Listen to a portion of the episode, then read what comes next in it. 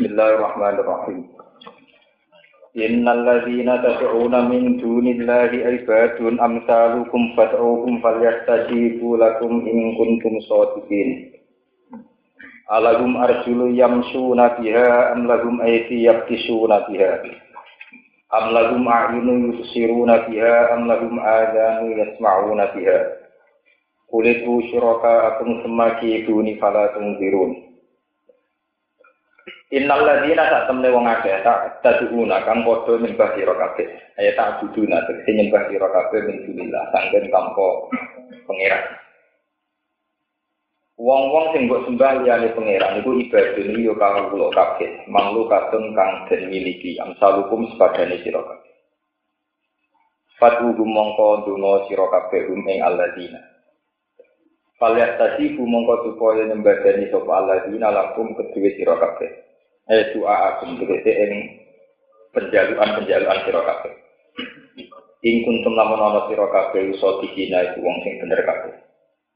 Bener fi annaha ngakoni ing dalam sak temene alihah, alihah itu alihah itu pangeran tenan. Cuma gaya namun kono jelasno sapa Allah bahwa ya taati ing apa se alihah wafat li abidihim lan keunggulane atau keutamaane wong sing nyembah alihah. Alihim ngalahno ing atase alihah. Alihim ngalahno ing atase alihah. Pakola mengko dawuh sapa Allah alagum arjuli yang syuna biha. Alagum ana ta kedue alihah arjulun te pira-pira sikil yang syuna kang iso lumaku sapa alihah biha lan arjul. Am lagum ana ta kedue alihah aibal alagum ana ta kedue alihah esin tangan jamu yasin Yak tisu nakang podo gawe jotos atau gawe kekuatan sopo alih hati lan itu. Am lagum ana ta kedue alih ayunun te kira-kira mripat siru nakang podo ningali sopo alih hati lan ayun. Am lagum ana ta kedue alih azan te kira-kira kuping ya mau nakang podo ngrungu sopo alih hati lan azan. Istighfar dan utai jauh am lagum itu istighfar ingkar. Elai satu keseorang lalu lagu berdua kabeh di alih apa sih ono perkara hingga jika sanging mengkono mengkono istilah arjul tak terusé mima sanging perkara gua kau tema itu lagu lebih siro kabeh. Pakai kamu kau hale kau apa tak kuduna menyembah siro kabeh rumeng alih. Tawa antum hale di siro kabeh akan mulu luwih sempurna. Wa antum hale di siro kabeh akan mulu sempurna apa nih kalan apa nih keadaan. Wujudnya ini bang bang alih. Kulit bu syuraka aku, pun siro ya lagu maring kafir Mekah, ya Muhammad ya Muhammad. Kudu syuraka aku. Kutu aja aja siro kabeh syuraka ing biro mitra, mitra mitra siro kabeh, terus sekutunan siro kabeh ilah lagi maring rusane ingsun. Ilah lagi maring rusane ingsun. Tumati duni mongko nuli gawe rekayasa siro kabeh. Sebagai rekodoyo siro kabeh ni ingsun. Pala tuntirun mongko ra nopo ngekei tenggat waktu mongko do nunggu sira kabeh ning tumhiluna tegese ngekei tenggat waktu sira kabeh. Pak ini mongko sak temen ingsun iku la ubah. Ora peduli sapa ingsun dikum lan sira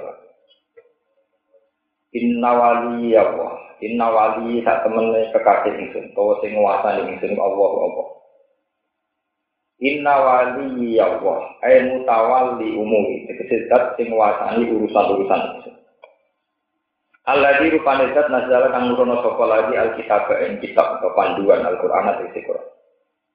Wa wa alaihi wa ya tawalla iku jogo sapa apa asolihin nang pira-pira wong kelawan penjagaan Allah.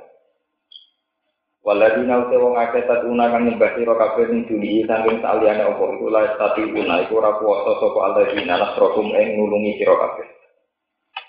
Wala anfusahum lan ora ngawak dhewe ne alladzina yang suruna padha iso nuruni sapa alika. Pakai pa mangko kale kaya apa ubali berdiri sapa ing sedih lan alika. Wa in tad'uhum ilal huda la yasma'u lamun aja-aja sira kabeh utawa nyeluk sira kabeh ngundang sira kabeh rumin alika ayil asnama tegese pira-pira. Ilal huda maring siji petunjuk la yasma'u mongko ora iso ngrungu sapa alika wataro hum yang dulu na ilai kawagum la yusirun wataro lan ngali siro Muhammad hum ing alika ayi asnama bukti berogok bergolo ya Muhammad Yang guru naiku podo ningali, ingkang podo ningali sapa asnam ile kama ing sira. Ayu ko bilu naka tegese podo madhep sapa alika ka ing. Itu madhep karena diri kalau dene wong sing ningali. Wa hum halaiti alika iku la yusiru nara podo ningali sapa alika. Khudil afwa wa murfil ma'ruf. Khud ngalapa sira al afwa ing gampang nyepuro. Ayu yusra gawe sikap gampang min akhlakin nas sing kira-kira akhlak-akhlak manusia. Wala nafas lan ojo bahas sira anda saking akhlakin nas. Wa amur lan perintah sira bil ma'ruf lan barang sing apik, il ma'ruf tegese barang sing ma'ruf sing apik sing dikenal. Wa akrid lan ningo sira, wa akrid lan ningo sira. Maksudnya berpaling sira adit izin saking eh, pira-pira wong sing bodho. Fala tuko bilhum, mongko ojo badini siro, itu ojo males siro kuning jadi Bisa pak ini sebab budu-budu ini jadi Wa imma yang zakon naka minas syaitan nasun. Wa imma yang zakon naka lan ono kalane ngridu utawa ono menggoda.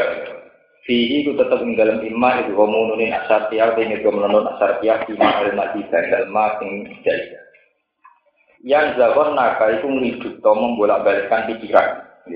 Bolak balik pikiran. Kain sirok naseton sangkring setan.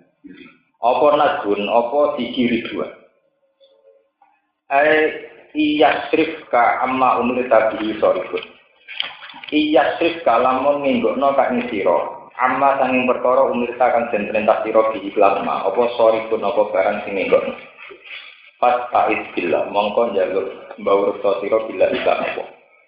Utai dawa fasa itu jawab bisarti jawab syarat. Wajabul amri utai jawab amar. Fasa bila. Iku makhlukun dan buang. Ayat fa'hu angka. Mongko iso nolak sapa Allah bu ing nas seton angka sang sira. Yat fa bi seton nolak sapa Allah bu ing nas seton angka sang sira. Inna usa temne Allah sami unda tinggi karena kau lima pengucapan alim untuk datang pirsa di kelawan penggawe. Penggawe ini kalau terang Jadi jelas surat Makiyah.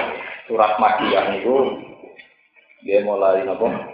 Innal ladzina tad'una min dunillah ibadun amsalukum. Niki surat-surat napa? Makiyah.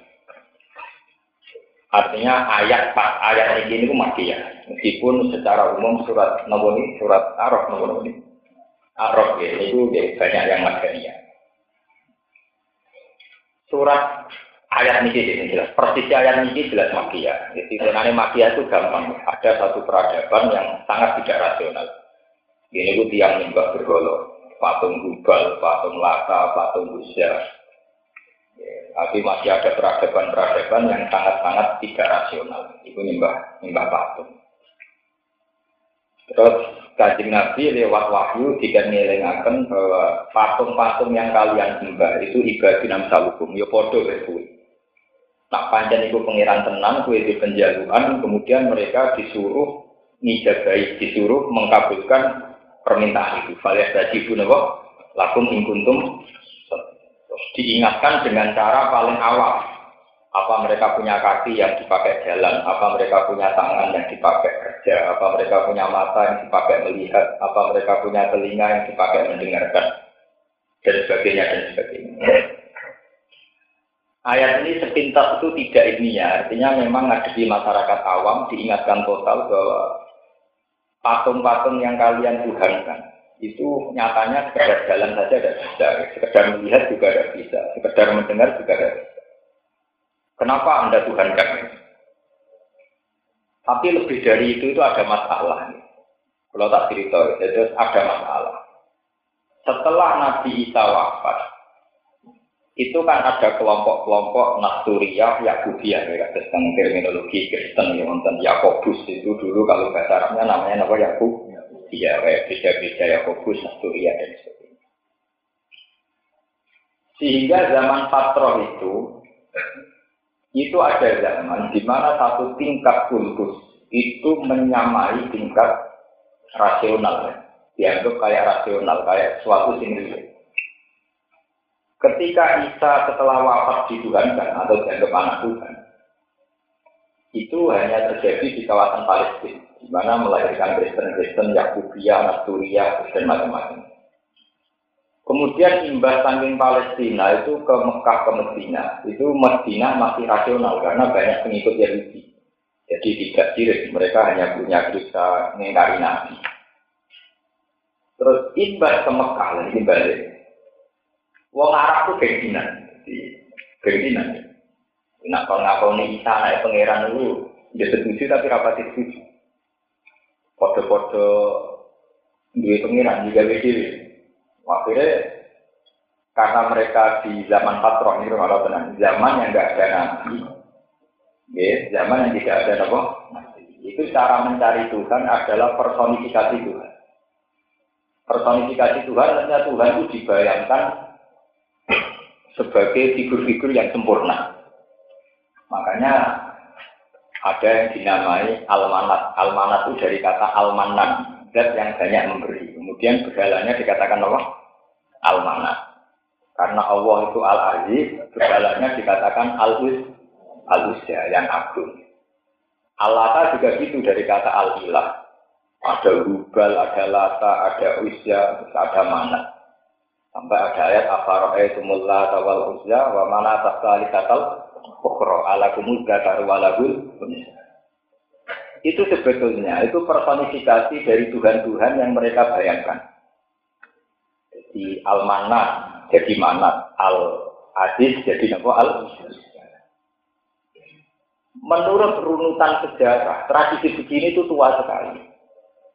Karena para dewa-dewi yang menguasai hujan, menguasai keberuntungan, itu sudah lama di Cina. Terus misalnya Dewi keberuntungan, Dewi kewantin, Dewi Dewa Hujan, Dewa Petir.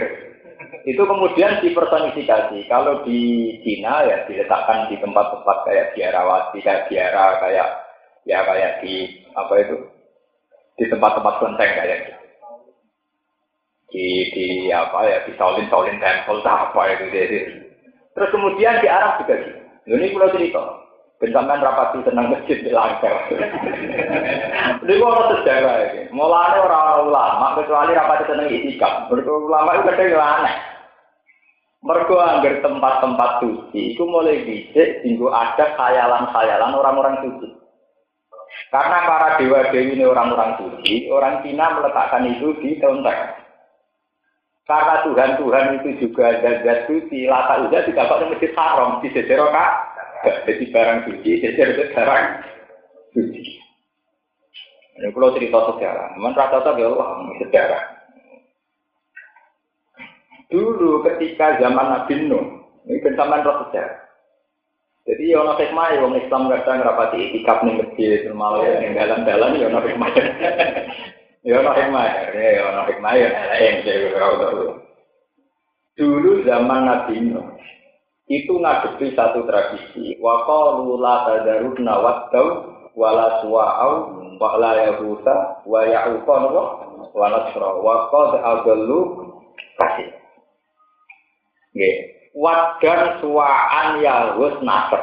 La tadaruna waddau wala suwa'au wala yahusa wa ya'uqa Itu nama figur-figur soleh nama-nama orang sakral yang dihormati. Kalau tak nih kalau Australia, di Jerman, kalau Soekarno orang-orang soleh menjadi pahlawan. Kemudian masyarakat itu dirisi setan. Orang-orang soleh harus diabadikan. Maka bikinlah patung. Orang secara orang-orang soleh harus diabadikan. Maka bikinlah karena hormatnya berlebihan, patung itu harus di tempat yang suci pula. Itu tidak kok di musola, masjid-masjid. Di periode pertama, patung-patung itu hanya sebagai kenangan, kenangan pada jasa-jasa orang soleh itu. Generasi kedua sudah dianggap bagian dari dewa dewi, bagian dari Tuhan. Kemudian tradisi itu menyebar. Ketika periode setelah Nabi Nuh pun menyebar sampai ke Cina, ke Eropa, ke mana-mana. Sehingga ada adat istiadat di antara peradaban manusia adalah personifikasi hal-hal yang sakral. Dibayangkan Tuhan itu kayak ini, dewa langit kayak ini, dewa hujan kayak ini, dewa keberuntungan kayak ini. Nah, Arab sebagai sebuah bangsa, yo ketularan terjangkitan penyakit itu. Akhirnya ya gawe dewa dewi, sing rupa latan apa? Hujan. Mana kalau bolak balik matur tengah niki, yang termasuk mengabadikan agama Kristen adalah karena tiap gereja itu dikasih patung Maria. Karena patung itu tetap bisa mengurangi tingkat rasionalitas manusia. Orang setelah melihat Bunda Maria menimang Nabi Isa, orang melihat Yesus di salib, itu adanya haru. Haru ingin balas jasa. Yesus mati demi kita. Apa kita berani mati demi Yesus? Sehingga perasaan-perasaan emosional itu mengganti perasaan rasional, di mana tingkat keabsahan Yesus sebagai Tuhan itu kayak apa, rasionalitasnya kayak adanya itu hari. Sehingga patung-patung itu dalam Islam dilarang sekali. Karena kalau sudah rupa patung, misal sampai santri lah, yang ngaji nih ini, santri tahu kita mantep lah. Kalau dulu patung bedoro kalau nyekel bulunya nak wani, dan benar irungnya rawani, soalnya kualat tenang. Mau pemenang apa patung wis tua, sama bunyi-bunyi dewan, dele, wedi tenan. Tawangannya kayak kuala. Hanya tingkat rasional kita, rasional kita bahwa itu patung gawean muntilan. Sing dicawang. Niku niku kalah, anaknya kalah mbek karismane bentuk patung sing mewakili dewa dewi. Mau pemenang kecelok iki patungnya bedoro kok. Iki, wong misalnya wong Islam wis mereka nggih patunge Jibril, malah sakral. Wah, patungnya nopo? Jibril. Jajal lah zaman ke bisnis patung nopo? Jibril. Kok wong wedi. Patung Mikael. Wong mesti wedi. Lha iku dari ini kanjeng Nabi dari Quran wa tarahum yang guru na ilaika wa hum la yusirun. Mbok pentelengi sawangane malas tenan. Wah, mesti. Lah kula nek selawase yang lagi anak kiai nang patung dhewean yo mirip. Artinya sawangannya kayak punya kekuatan medis. Nah, tingkat rasionalitas orang itu akan hilang saat patung-patung itu sudah menjadi simbol. Misalnya sampai melihat di keraton Jogja, di Taman Sari atau apa, itu kan banyak patung-patung. Ini patung Bedoro Guru, Bedoro Kolo, ini tolak bala. Soalnya nak rana patung ini ono bala. Padahal ono lah ya ono bala. Karena sudah kadung diberi fungsi. Ini patung tolak bala, ini patung membawa keberuntungan. Nah, Fungsi-fungsi ini yang kemudian dilakukan oleh Quran in hiya illa asmaun samaitumuha antum wa ba'kum ma nazalallahu biha min Penamaan-penamaan berhala dengan nama-nama yang keren, yang bergen, itu ciptaan kalian semua. Sebetulnya tidak ada sama sekali. Ya itu tadi, karena sudah kadung dinamakan ini patung Dewi Kuan Im, kesannya keberuntungan. Teman kalau melihat film-film India, orang kalau mau nikah, ngekei kembang mengguni patung apa dewa keberuntungan. Bahkan dewa ular kobra itu disembah. Padahal jelas-jelas ular kobra reputasinya mateni uang dong itu dimitos no gue nopo? Patungnya gue nopo? Keberun keberuntung itu artinya sejarah membuktikan bahwa yang namanya patung itu membunuh rasionalitas membunuh akal sebab itu Islam mati-matian ngaram nopo? Patung. Kok tetap membunuh akal Lho fungsi Ka'bah zaman itu kegusur ambek patung. Kok patung nyelata Uzza itu luwih keren dibanding Ka'bah sing kotak.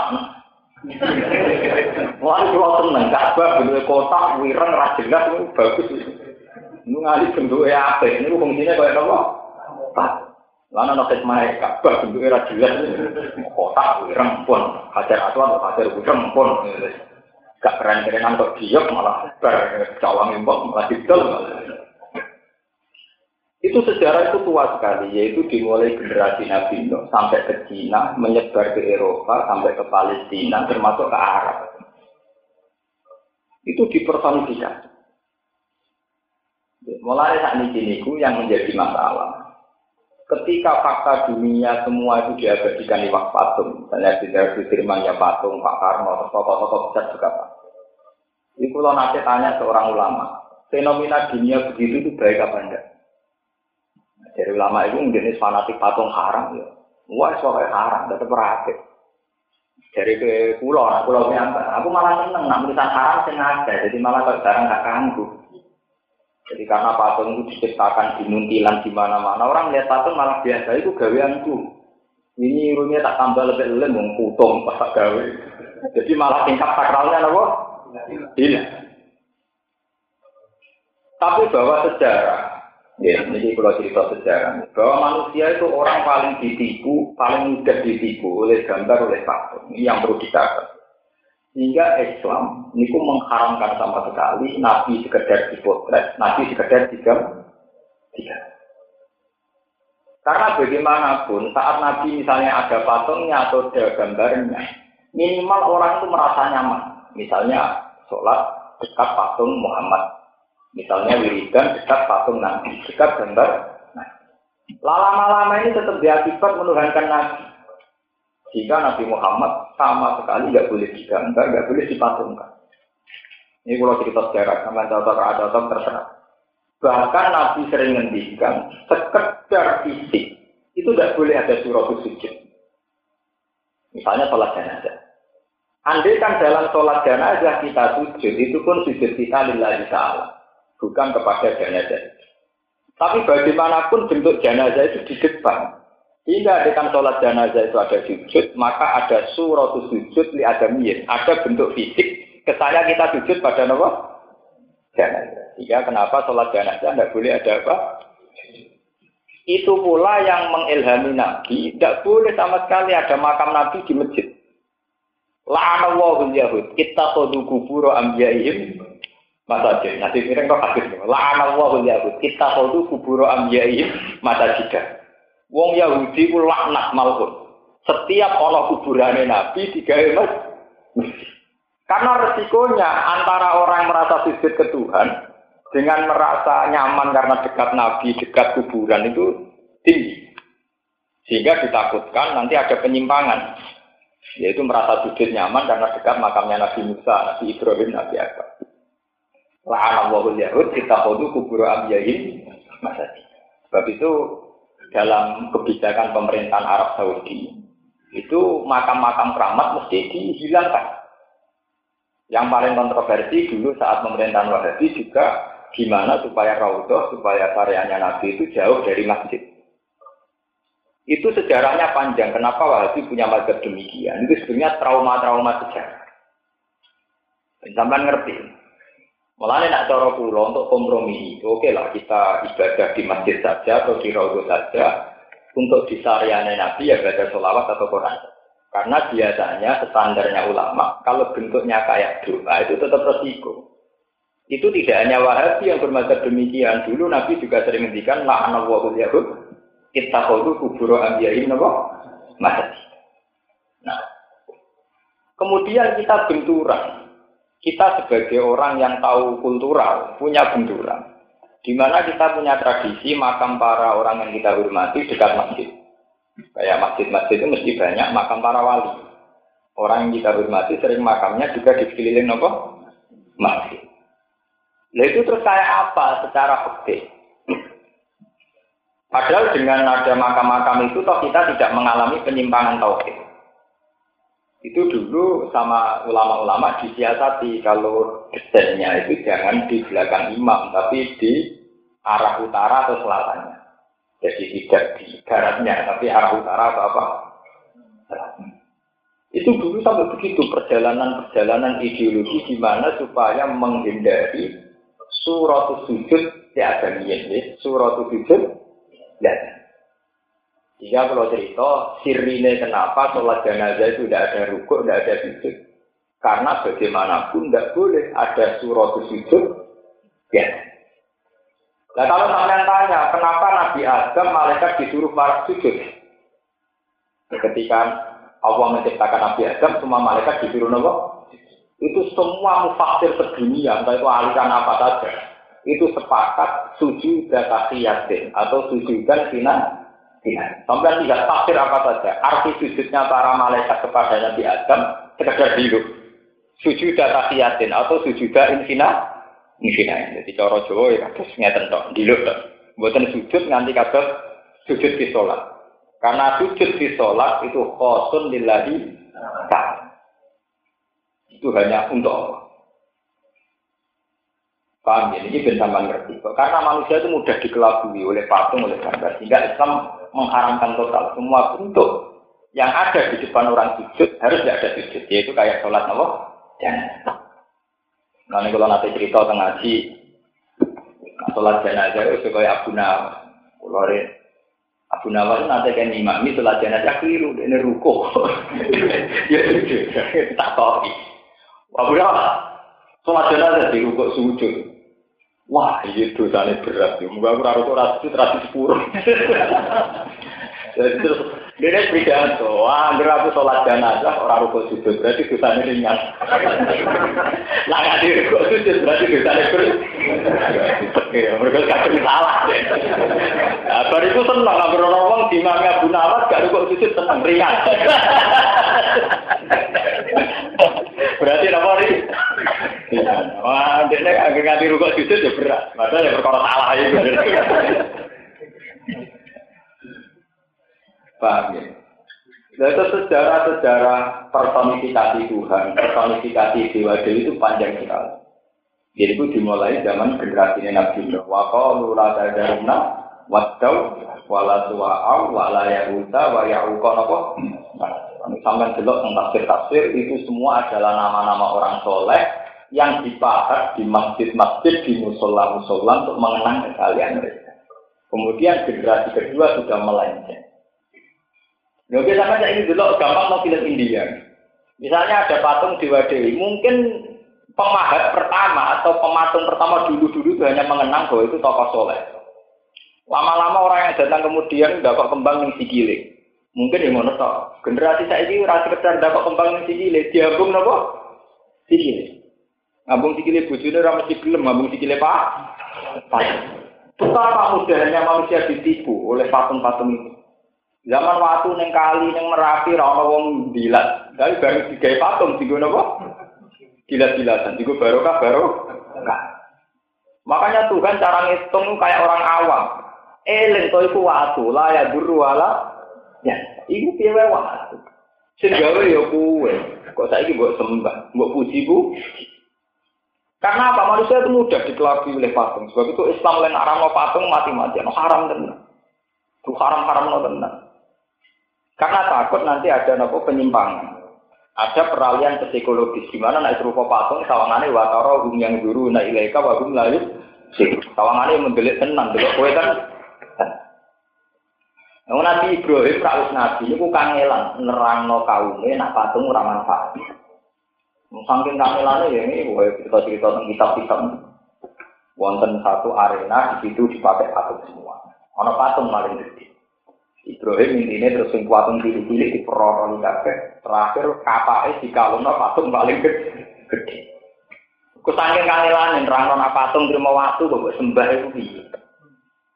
Waktu itu bareng itu itu kok ngape id kan pas itu hari id hari besar.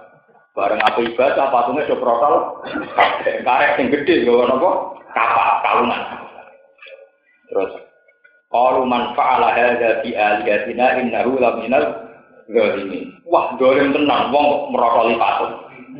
Sopo sing mari terus qalu sami'na fata yazkuruhum yuqalu lahu Sing sering menyek brolo ya bro sing paling sing wani merokoli ya napa?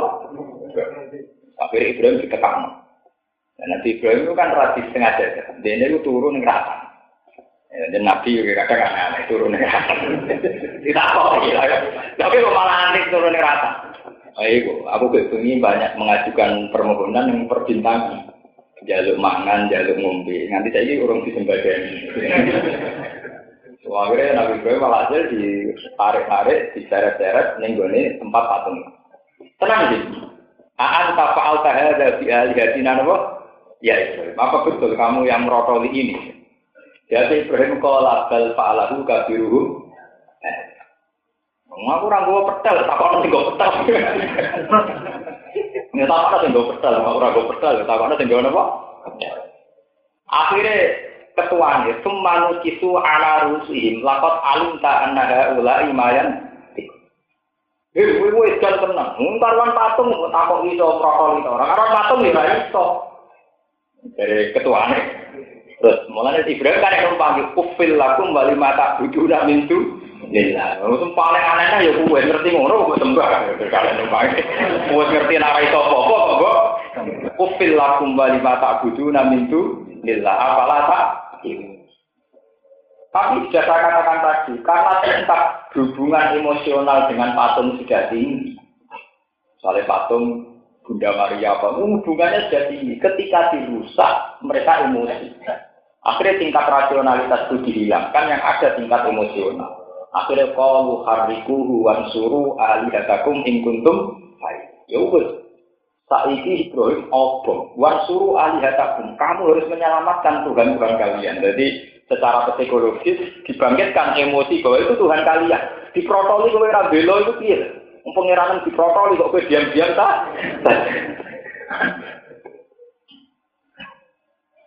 Wah, akhirnya emosi mereka bangkit. Ya wis nak ngono Ibrahim bangga. Itu bukti bahwa tingkat rasionalitas manusia itu mudah dikelabui oleh bentuk-bentuk personifikasi tadi kayak patung kayak mana Islam mati-matian ngaram nono kok.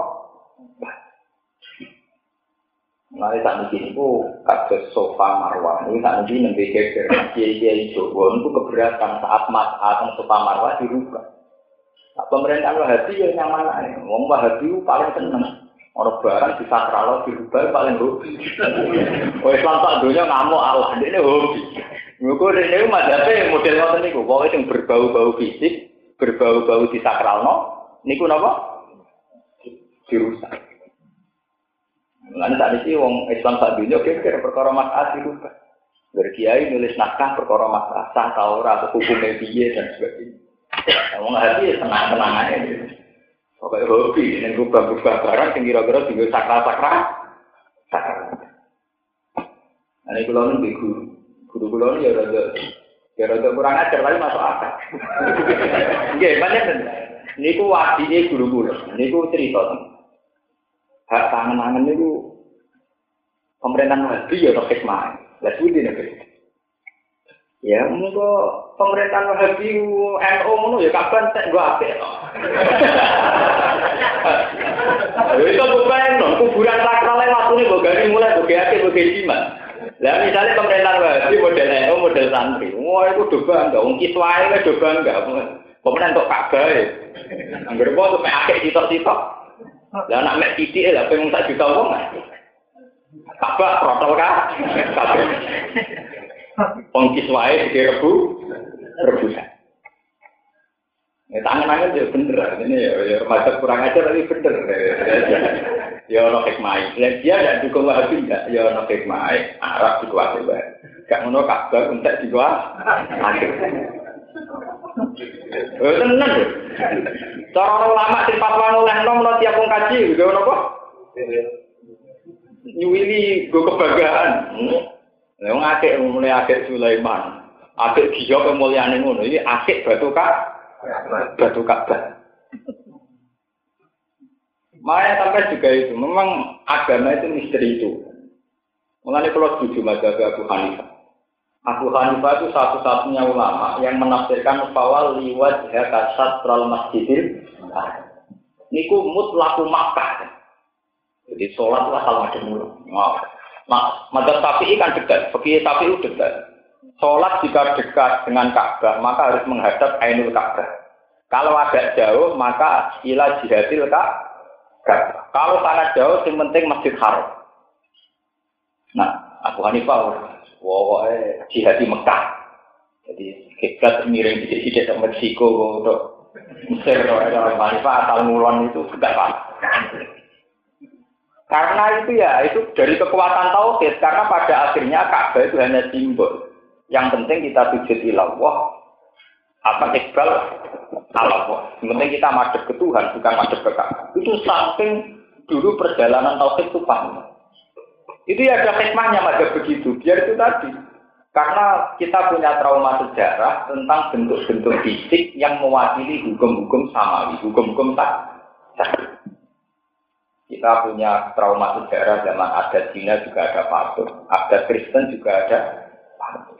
Dan dilalah jahiliyah tengah Arab juga meletakkan patung-patung di dekat kak. Mana wonten hikmah, ada hikmahnya ketika banyak orang-orang soleh yang memandang itikaf itu ya biasa saja. Bagaimanapun masjid itu bentuk fisik. Saat kamu merasa ibadah hanya di masjid, maka kamu terjebak oleh bentuk fisik. Makanya ya ibadah wae jumatan yang masjid ora sing omah biasa-biasa. Kulo boten pati nanti tiga begitu biasa. Kulo sering rekam foto Gus wong alim rata salat tahiyatul masjid buan bagaku. Tapi itu sejarahnya panjang. Saya ini kan ulama. Jadi saya tahu sanat-sanat. Dulu itu banyak sahabat yang merasa tidak nyaman kalau tidak sholat kecuali di masjid. Jika Nabi cukup, Sampai juga Nabi latas alu buyu takum kubur. Rumah tamu sujud kudu di masjid. Oh mau lho juga ada kubur. Ini kalau biasa ngomong gitu, aku lama rasa waras. ya karena hadis-hadis kayak itu harus dijelaskan dengan keangkuhan. Nabi dulu ya cukup. Ketika ada sahabat setelah sholat fardu, sholat tapi sunat di masjid, sholat tapi sunat di masjid, itu hadisnya sahabat. Nabi cukup, latas alu buyutakum kuburan. Jangan jadikan rumah kamu sebagai kuburan. Dan secara hukum sosial keluarga itu efeknya luar biasa. Kamu saat di masjid benar-benar sholat, iktikaf, sholat qobliyah, dia. Ketika di rumah belok TV, ambil bojo bakas duit. Bus ke goreng ijek ta ora, gak no teh anget, panas, gak no kopi. Anak istri kamu taunya hanya duniawi. Karena dalam memori anak kamu, roy takok ning bojomu kopi, teh, makanan. Mergo bar itikaf ning masjid. Bar putih, itikaf Masjid. Jika rumah kayak ini cara Nabi kuburan, tidak rumah itu kuburan. Coba dibandingkan, nanti kan kamu sholat di masjid hanya fardu saja. Pulang masih menyisakan sholat bagi atau kebrian. Bu sajadahnya mana? Aku mau sholat. Pak gak mangan, tak sholat sih. Itu dalam memori anak akhirnya ada bayangan-bayangan ibadah. Ibadah. Tak sholat sih. Jika di rumah juga suasana religius, di masjid ya religius. Loro-loro nih, atau sholat masjid, atau Wah itu parah, orang masjid, orang rumah itu. Wah itu parah nanti. Nah ini buatan buatan termasuk itu. Kalau itu buatan sholat di masjid karena mau sholat di rumah itu akan beda sekali. Jika anak-anak kita ini bapak itu kalau datang di sholat, bapak kalau mau pergi juga sholat itu dalam memori anak-anak kita. Jika disunatkan sholat kopiah, kopiah safar, sholat safar. Itu semua ulama sepakat kesunatannya di dalam rumah. Sebab itu dalam Quran diajarkan betul rumah itu tidak sekedar tempat kita bersenggama, hubungan intim apa itu enggak. Tapi waskur nama risla fi buyutikunna min ayatillahi wal hikmah. Bahwa kalian kalian harus ingat fi buyutikunna min ayatillahi apa? Wal hikmah. Bahwa rumah itu ya bagian dari ayat-ayat Tuhan. Makanya kalau kiai alim itu punya sunnah, misalnya lima waktu ngaji itu yang separuh di pondok, yang separuh tidak di dalam. Sehingga tidak semua suasana dalam, suasana duit, gedang goreng, teh panas, kopi hangat. Itu ngeri kalau gitu. Mentang-mentang mesti itikaf ning masjid, bar ngaji ning masjid. Mulai dulu bakatane pakanan. Akhirnya roya anak bapak dan mbok bakatane pakak. Lah kok niku nak boten dikawiti kula ora salat nek masjid ora ono takok. Jadi kudu orang lama nekat bareng. Oh enggak. Kalau kok umum wong ora ono takok akhirnya kan takok. Gusti nanti anak ora tau salat tahiyat masjid. Wen. Kamu wis bersolat omah. Ibadahku tak kena nang omah. Itu dulu Nabi juga ngalami gitu, cuma Nabi ngapian, nulis orang ngapian gitu saja. Tapi harus ada, memang ulama yang menjelaskan kalau tidak hilang, ilmu kayak ini hilang. Kita ngiranya masjid itu tempat ibadah dan menikah kita. Makanya Nabi dulu nanti jauh, Ju'ilat lanal ardu kulluha tohuron, watur batuha tohuron. Ju'ilat lanal ardu kulluha masjidan, watur batuha tohuron. Ju'ilat lanal ardu kulluha masjidan termasuk bonus saya sebagai nabi yang tidak didapatkan nabi-nabi sebelum saya adalah ju'ilat lanal ardu kulluha masjidan. Semua bumi seantero dunia itu masjid. Jika umat nabi tidak masalah hidup di Eropa, di Amerika, di mana semua buminya Tuhan, semuanya sah untuk kita sujud. Sampai rawuh kalau santri khusus sujud ngenteni ini masjid, masjid itu sing gawean ahli sunnah. Bila kurang sepuluh sing wal jamaah, waduh, wah kira aliran Sing aneh-aneh, Jumatan wong dua, nak Jumatan wong liya ora. Sak kula Jumatan ning kandang sapi tak ya. harus dilatih, umat harus dilatih bahwa tempat beribadah pada itu di mana saja. Ju'ilat lanal ardu kulluhan apa mas? Bahwa ada sekte-sekte yang masjidnya dengan syarat tertentu kalau tidak di masjid tidak saya itu sesat tidak bisa. Kalau lu makmum masjid Muhammadiyah biasa mau aliran dengan anak biasa. Ono imam partai bener makmum biasa. Kalau lu masalah itu paling fanatik. Fanatik biasa maksudnya. Fanatik tidak ada masalah. Muasal acaranya sujud nih pengiran tak anggap positif. Lha kula ate kali tahun daerah Mimbang, daerah pinggir gunung. Iku cara santri fakir salat isya kula wis biasa makmum. Kanca-kanca santri kula sing ngaji kula tangga beri nek kata sing ngaji kula. Gus mboten ada. Wah, itu orang pulau ngeten buan. Masjid terminal Semarang luar ya lagi Semarang sering sholat dan nak jumatan betul betul yang matang pulau. Itu sering gitu al. Gus cara pakai kata buan. Buan rasa lah kayak ada gus. Gue nak ada mengambil rokok. Kok takut channel lembaga ibadah. Mau ibadah apa apa malah rambut sama, malah kena adam di rokok. Sing apa ya rakyat kayak itu. Wes ora kesel Gus Nudon. Artinya wes ora kesel ya ada Gus Nudon. Kowe wes kesel tuh udon. Ya artinya ya ada wes kesel tuh udon wong liya ora tak. Berarti kowe loro wis kesel iki apa? Karena aku enak, wis ora kesel mlebu swarga mergo Kulo nu peke, kulo kita peke berjilid-jilid tak waca pengalaman. Hukum-hukum ngoten nuwun pengalaman. Aku lho sing aneh-aneh, depan mikir, waduh sayangnya sing aneh disebut. Terus mikir, debi kulo mikir. Ya masalahnya mau daripada depan kalah kan aku Tapi sebetulnya setiap ulama itu memang harus menjaga konstitusi keulamaan. Itu termasuk Nabi sendiri begitu. Itu kenapa Sayyidah Aisyah begitu sering cerita tentang tahajudnya Nabi, doanya Nabi setelah tahajud. Itu andai kan semua ibadah Nabi di masjid, itu tidak akan ada hikayat-hikayat Aisyah. Sampai detail Aisyah cerita bahwa Nabi sholat kata waromat kodamaru sampai sikilin melempau itu di rumah semua.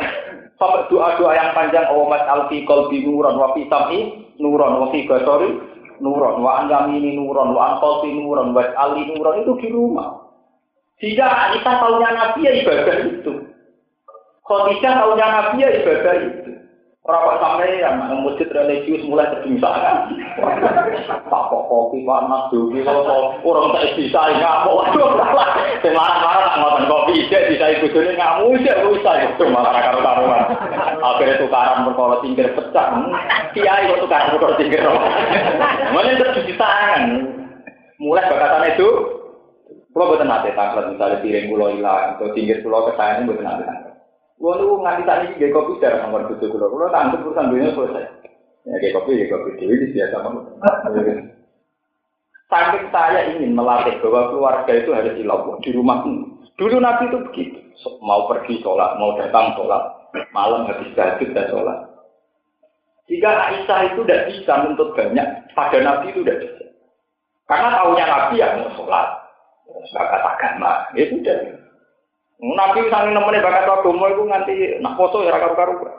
Sesuk tak kok. Sah. Bisa apa? Boten ya Rasulullah membeda di duit tadi syarat. Ya wis tau tak poso. Jadi tahunya itu logika-logika agama ya sudah kalau udah bisa sarapan ya puasa. Kalau sampean boten boleh usaha. Terus kere kapitalis Harusnya kita kan dari dunia ke dunia, dari ke dunia apa? Wah, mulai harus ada ya. Yang mengingatkan bulan, latas alu buyutakum nopo kubu. Rumahmu itu jangan jadikan nopo. Itu harus jadi. Ya memang dimulai, dimulai dari perilaku lah. Ibadah itu jangan dihabiskan di masjid. Ya, ibadah itu jangan dihabiskan di masjid. Sebagian harus di rumah. Ya, itu kalau dari nopo latas alu buyutakum kuburan itu Nabi Dawud saat sahabat sering di masjid saat sering sholat di. Akhirnya mau bolak balik kafe masjid itu melahirkan kesesatan. Lah kiai kiai sing roh bali iku terus ra tau. Tapi ya tau salat nek oh. Ya wis nek kumpul adalah melo. Akhirnya dia seneng itikaf jamaah tablet. Ya itu repot namun ngoten niku. Gede mau itikaf ya salah. Gede bela sing ra tau itikaf tapi ra tau salat ning omah ya. Menjadi tak warai tengah-tengah nih, gue soalnya sholat menjadi umum-umum yang uang, umumnya takiyat ya takiyat, tak umum-umum, umum-umum mah pun. Jadi ini gue mulai ditambah sholat Istrinya Nabi juga diingatkan itu, waskur nama yusla fi buyutikunna min ayatillah wal Waskur nama yusla fi buyutikunna min ayatillah. Eh istri para nabi, hendaknya yang kamu ingat tuh apa-apa yang dibaca di rumah kamu. Apa yang dibaca nabi di rumah kamu, yaitu nabi sering bersurat. Nabi itu kalau beres diulang-ulang. Misalnya beliau cerita ke Aisyah, tapi Jibril datang ke sini. Biasanya dia datang ke sini itu setahun sekian kali. Sekarang kok sekian kali itu ada apa? Terus dibacakan Qurannya apa? Sehingga tahunya Aisyah ya, ya tentang begitu. Nabi itu gak pernah bakas dunia. Ya nak dua itu tadi. Kalau kita akan kebalikan, yang pondok mulang tenanan, yang masjid ibadah tenanan sekali mulai kedua, kedua. Kedang kedua hilang pangan anak yang ngamuk. Ora udah bilang kalau yo no, mulai gue toko, kecil perkara saya goreng kipasan. Kok iya? Kulo ini ulama paling sering marung. Perkara ini ingin menyepelekan dunia itu ini. Karena kalau kita tidak marung, itu biasanya ngoten, wis kiai dari marung gak pantas muruka. Barang mulai ngamuk bojo ini ngerti lagi kok ora disediakno mana. Lah mau manane marung malah kayak geger bojo mergo wah. War. Nah, tapi kan gegere walian Ustaz sediakno mangan sendiri ramangan itu geger keren tuh. Maksudnya kan kelebihan makanan. Itu geger terhormat tuh.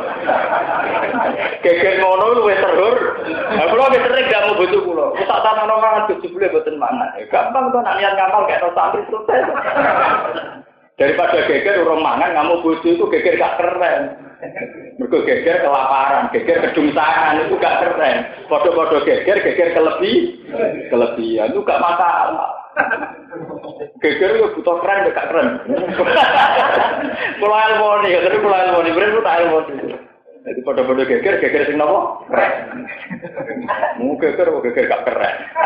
Lagi kasus rebutan warisan, orang kalau dia seneng geger keren, berarti bapak mati ninggal tuh.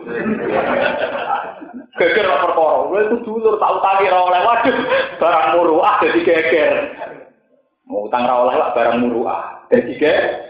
Geger gak keren, geger gak keren. Mau kuasa apa kakak tak jadi duit rawol lewat keren, geger mau gak keren. Mau posisi zaman ngemis jalur. Jadi nak minum. Dunia tak nanti orang tuh bagian keren, itu termasuk geger keren. Karena dalam unsur kelebih bagian.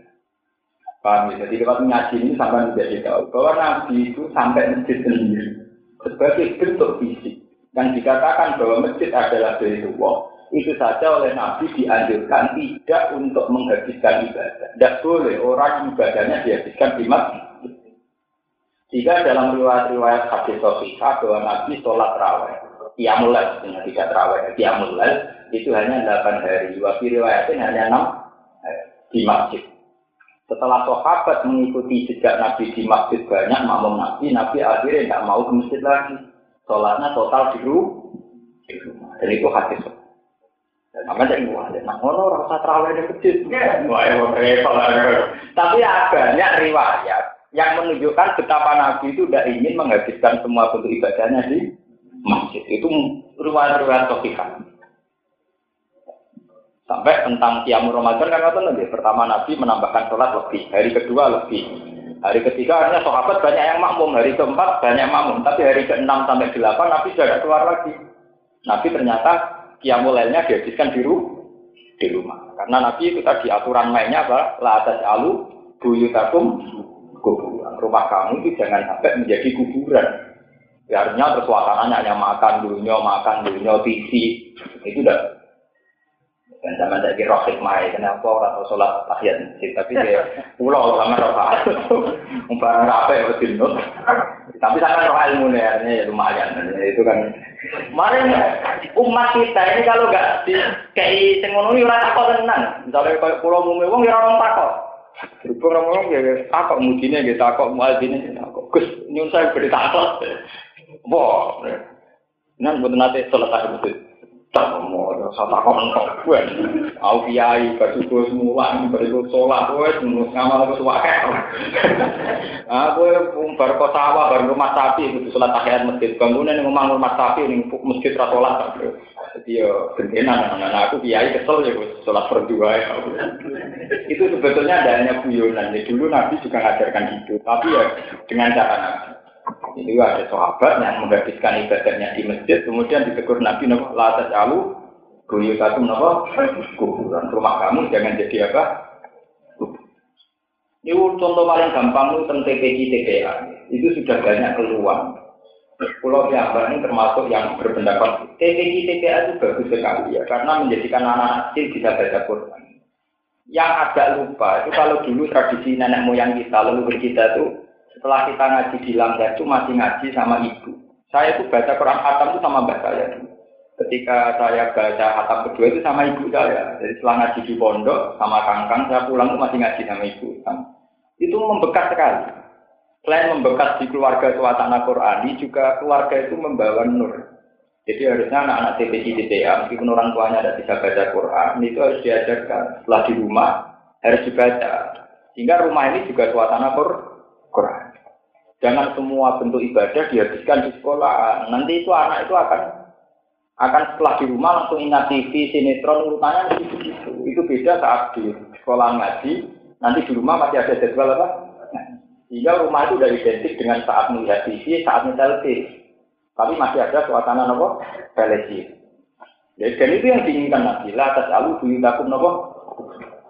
Nah, setelah kita sering ada suasana begitu, frekuensi batas dunia juga minim frekuensi kegengsangan juga nih. Paham ya? Itu sehingga makanya ini kembali lagi, masjid meskipun tempat ibadah itu juga tidak boleh menyandra kita. Masjid bagaimanapun hanya tempat fisik. Di antara tempat-tempat yang sunat ibadah. Tapi khusus umatnya Nabi, nyatanya Nabi bangga, Ju'ilat lanal ardu kulluha jika watur batuha tahu. Dulu Nabi dulu sholat harus di masjid. Ketika Nabi tidak sholat di mana saja Fa ayu marot julin adrokat di sholat pasal di hai makan. Di mana saja kamu ketemu tempat sholat dari semua. Nah bukti bahwa kiblat Ka'bah tidak segalanya adalah sholat di mana saja boleh dengan keadaan apa pun. Mulai sampai misalnya sholat, pesawat kamu sedang mengukuri Ka'bah, ya tetap boleh sholat. Makanya di diterangkan, untuk musafir yang sedang dalam kendaraan, sholat khaituma tawad jahat rosilatuhu. Jadi kalau kamu dari Jakarta ke Jogja, kalau harus sholat ya harus sholat meskipun madem nyetan. Ya karena dari awal kiblat itu hanya bagian dari aturan syariat. Tapi hakikat menghadap kita adalah hilang hilang. Sehingga sholat di safar, ayat haituma tawajah, rohis, madem ke mana. Bagaimana sih kalau misalnya di bis malam kita sedang najis? Menurut Fakih juga harus tetap sholat. Orang sujud itu tidak akan salah. Sehingga menurut Fakih, meskipun bis itu masuk ke timur, kita tetap sholat masuk timur. Meskipun kita nasi tetap sholat, namanya sholat ukur masuk waktu. Karena harus waktunya sholat, kita sholat. Meskipun dalam keadaan najis, dalam keadaan nggak sempurna. Itu bukti bahwa dari awal disyariatkannya sujud supaya ada keterkaitan manusia dengan Allah itu saja. Kemudian ada aturan syariatnya, misalnya harus menutupi aurat, harus suci, harus masuk kiblat. Itu aturan syariat. Tapi aturan syariat ini saat tidak dijumpai karena keadaan kita di pesawat atau di bis, jangan sampai terus aturan hakikat dihilangkan yaitu tidak sholat sama Karena tujuan sujud adalah dengan Allah saja. Sehingga masuk nggak masuk Ka'bah juga harus tetap tuh sujud. Makanya sholat di safar tidak wajib masuk kiblat. Sholat dihormati waktu juga ada harus tuh Ayo, supaya baca pula, waktu pulang Muharram ini pulang. Pulang nanti roes kitab hakmu ini paling pusing nak ketemu cacat. Bicara kitab mungkin, foto sebulan Muharram itu sunnah. Kemuliaan Nabi Musa selamat kafir.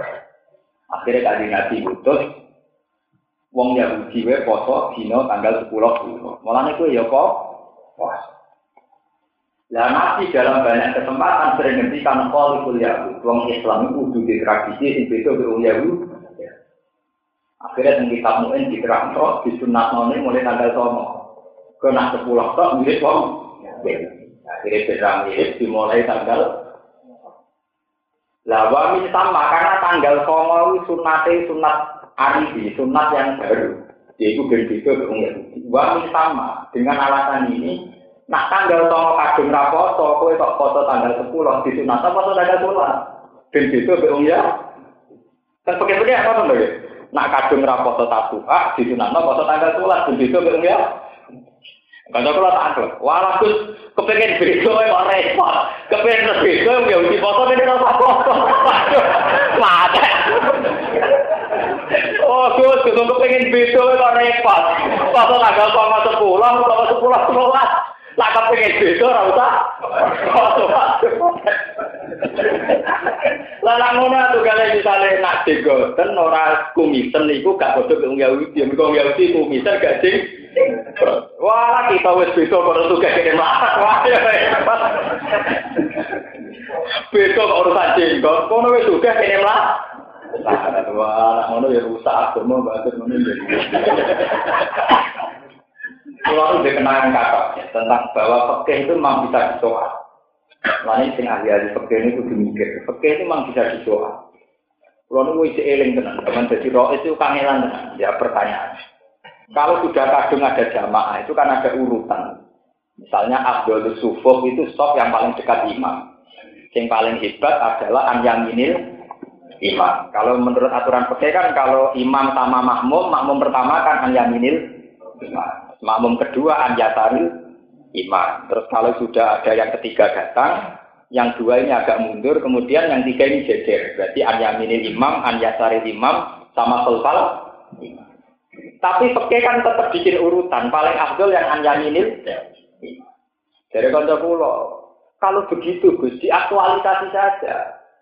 Jadi desain masjid jangan imamnya di tengah nanti resikonya ada yang anyasari imam mesti ada yang dari kiri. Saya ini imamnya gembes loh itu nenglor sehingga semua makmum anyamin imam jadi imam itu masjid misalnya ini imamnya sudah kok tengah. Gembes no paling lor. Sehingga semua makmum anyaminil imam umur dari paling afdol anyaminil Gampang tuh supaya ane imam kafe imam itu kok pojok. Bawa pojok kiri otomatis makmum anyaminil apa? Imam. Wah, ya kena mutajilah itu repot pertanyaan. Jadi akhirnya kalau tanggal, lah nak desain masjid wis ngono paling abdul sing di. Paling abdul sing paling parah ke imam. Anak ngono ngerubuti imam. Ketika bentuk masjid begitu paling abdul toh. Ya yang paling parah imam. Nah, ngono kerubuti imam lah. Artinya mubeng ya, mubengin apa? Makanya deh, pertanyaan begini itu nakal tapi penting. Mulai pulang saya itu bermadzhab sapi, tapi pengagum mazhab Hanifah, asuhan. Saya itu bermadzhab sapi, tapi saya banyak mengagumi mazhab Hanafi. Andai kan tidak ada mazhab Hanafi, maka semua masjid di Indonesia itu tidak sah. Semua masjid di dunia mungkin tidak sah. Karena mesti secara matematis salah. Kalau sholat wajib menghadap ke Ka'bah, Ka'bah itu luasnya berapa meter? Dengan kasih kasih kabar itu meter. Luasnya. Wonten 40 meter. 10 ini luasnya itu 16 meter. Kalau sholat wajib menghadap Ka'bah yang 16 meter, harusnya desain masjid luasnya maksimal 16 meter. Padahal masjid kadang luasnya sampai 20 meter sampai 30.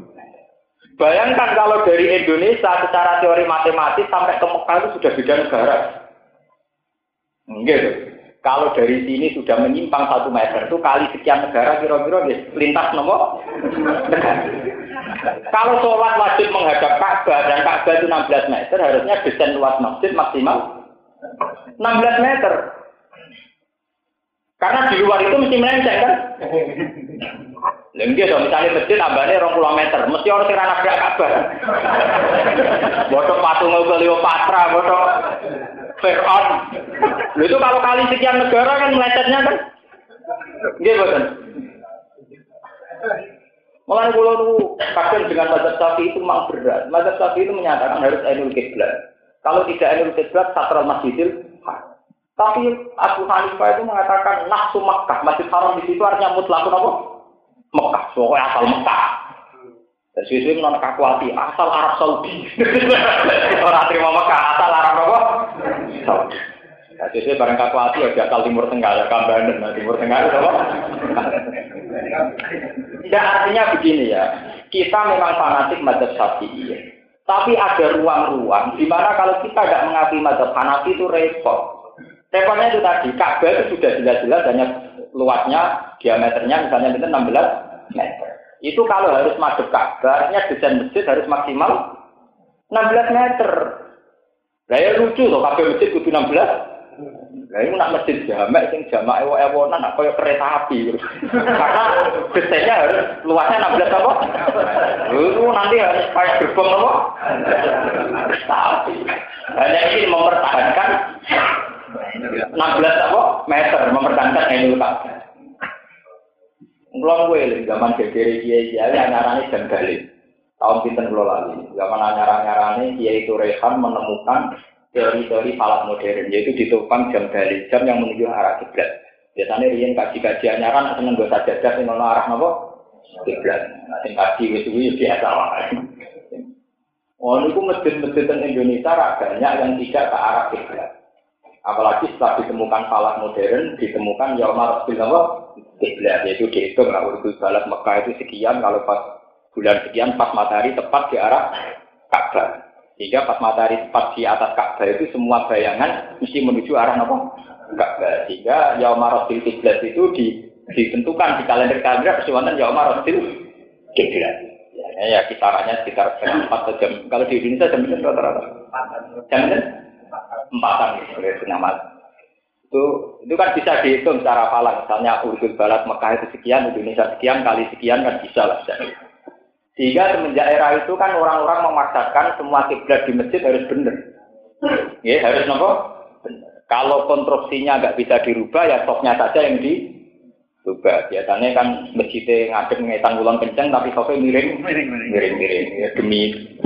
Tapi secara teori matematis Mbok entekno oleh miring, angger sak dhuwure luas 16 meter. Iku tetep ana sing ora madhep. Tetep ana sing melenceng bodo Meksiko, bodo Cleopatra, bodo Nil. Angger gak pas kuburannya Abu Jahal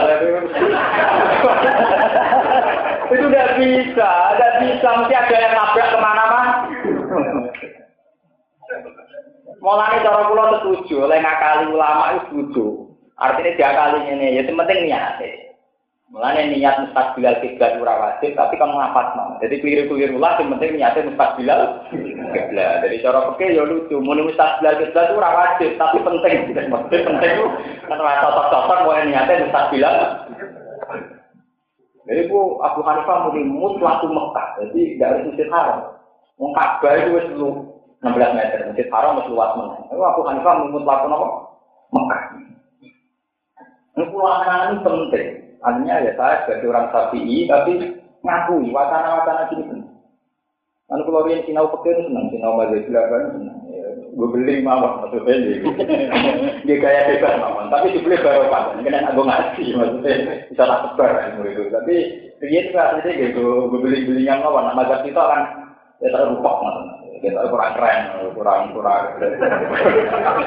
Sebenarnya ini baru artinya memang penting perbandingan mazhab ini penting karena kalau hanya fanatik sapi itu ada yang nggak bisa diaplikasikan kayak tadi itu kalau diameter kabelnya 16 meter harusnya desain masjid kalau wajib enul kiblat maksimal benar. Nah sekarang yang dibeneri hanya topnya, topnya dibeneri kalau luasnya masih lebih tetap nanti nggak nyambung, paham ya? Kalau kita sering ditambah di kiai, terus jenengan aku di Aku mari kiai dalam, ngerong sholat aku seneng aku jauh pulau kayak ngotot, aku kadung kiai dalam, jadi gak fanatik hukum. Masih teke, wah nggak sholat, madem mulan itu bener. Mereka bandingannya rasa sholat, aku tidak kan kiai kayak saya itu kan terfanatik, kan repot. Asal madem nopomu, asal kayak Abu Nawas Abu Nawas nanti ketemu pakar pal. Cerita, nak bumi itu bulat-bulat. Nah, suatu saat pakar palake itu kemalingan. Malingnya melaju madem ngetan. Malingnya melaju ngetan. Tapi sahabat kan itu loh. Tulo mengaku bedaknya malingnya. Melaju madem mulut. Aku nak maling, ini melaju ngetan. Kamu ngejar kok madem mulut.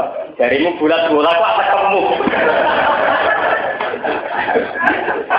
Dari mau bumi bulat-bulat kok ya ketemu. Akhirnya saya alif falak cakep.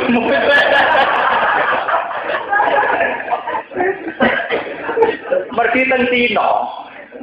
Teng Cina nu wonten masjid tua, teng Kingking kula nate ndelok teng jejak Rasul. Teng Kingking nu wonten masjid tertua di Cina. Iku kiblatnya iku bertolak belakang mbek Mekah. Ya hanya masjid satu itu. Jadi misalnya Mekah tengkulon, ya berarti maksudnya. Tapi kencang. Mulanya dari pakar-pakar sejarah, jangan-jangan pendiri ini gila ilmu falak. Mereka nak bumi bulat-bulat kok tok tok. Tapi gak kayak aliran yang dibantu dulu, yang sholat macam ngetan. Ibu mergo bodoh, nak ora perkara falak. Wonten. Itu akhirnya dirubah oleh Robitotul Alam Islami disarankan tidak terus. Apa pun keyakinan kita tentang ilmu falak, kalau masalah kiblat nggak boleh begitu. Gitu. Itu harus kabeh. Berarti sholat yang benar macam mulan atau macam ngetan. Bukan ngalang itu kan gak tuh. Wah, ya rusak aku mau pak surga kenapa? Rusak. Makanya dikatakan bahwa teori bumi kurawiyun itu tidak boleh mengganggu arah kiblat. Karena menurut teori falak, arah itu hanya satu bentuk. Ya, ini rumah tenang. Secara teori jihad, itu hanya ngakui satu rubuk, seperempat dunia. Karena yang satu masalah itu hanya seperempat.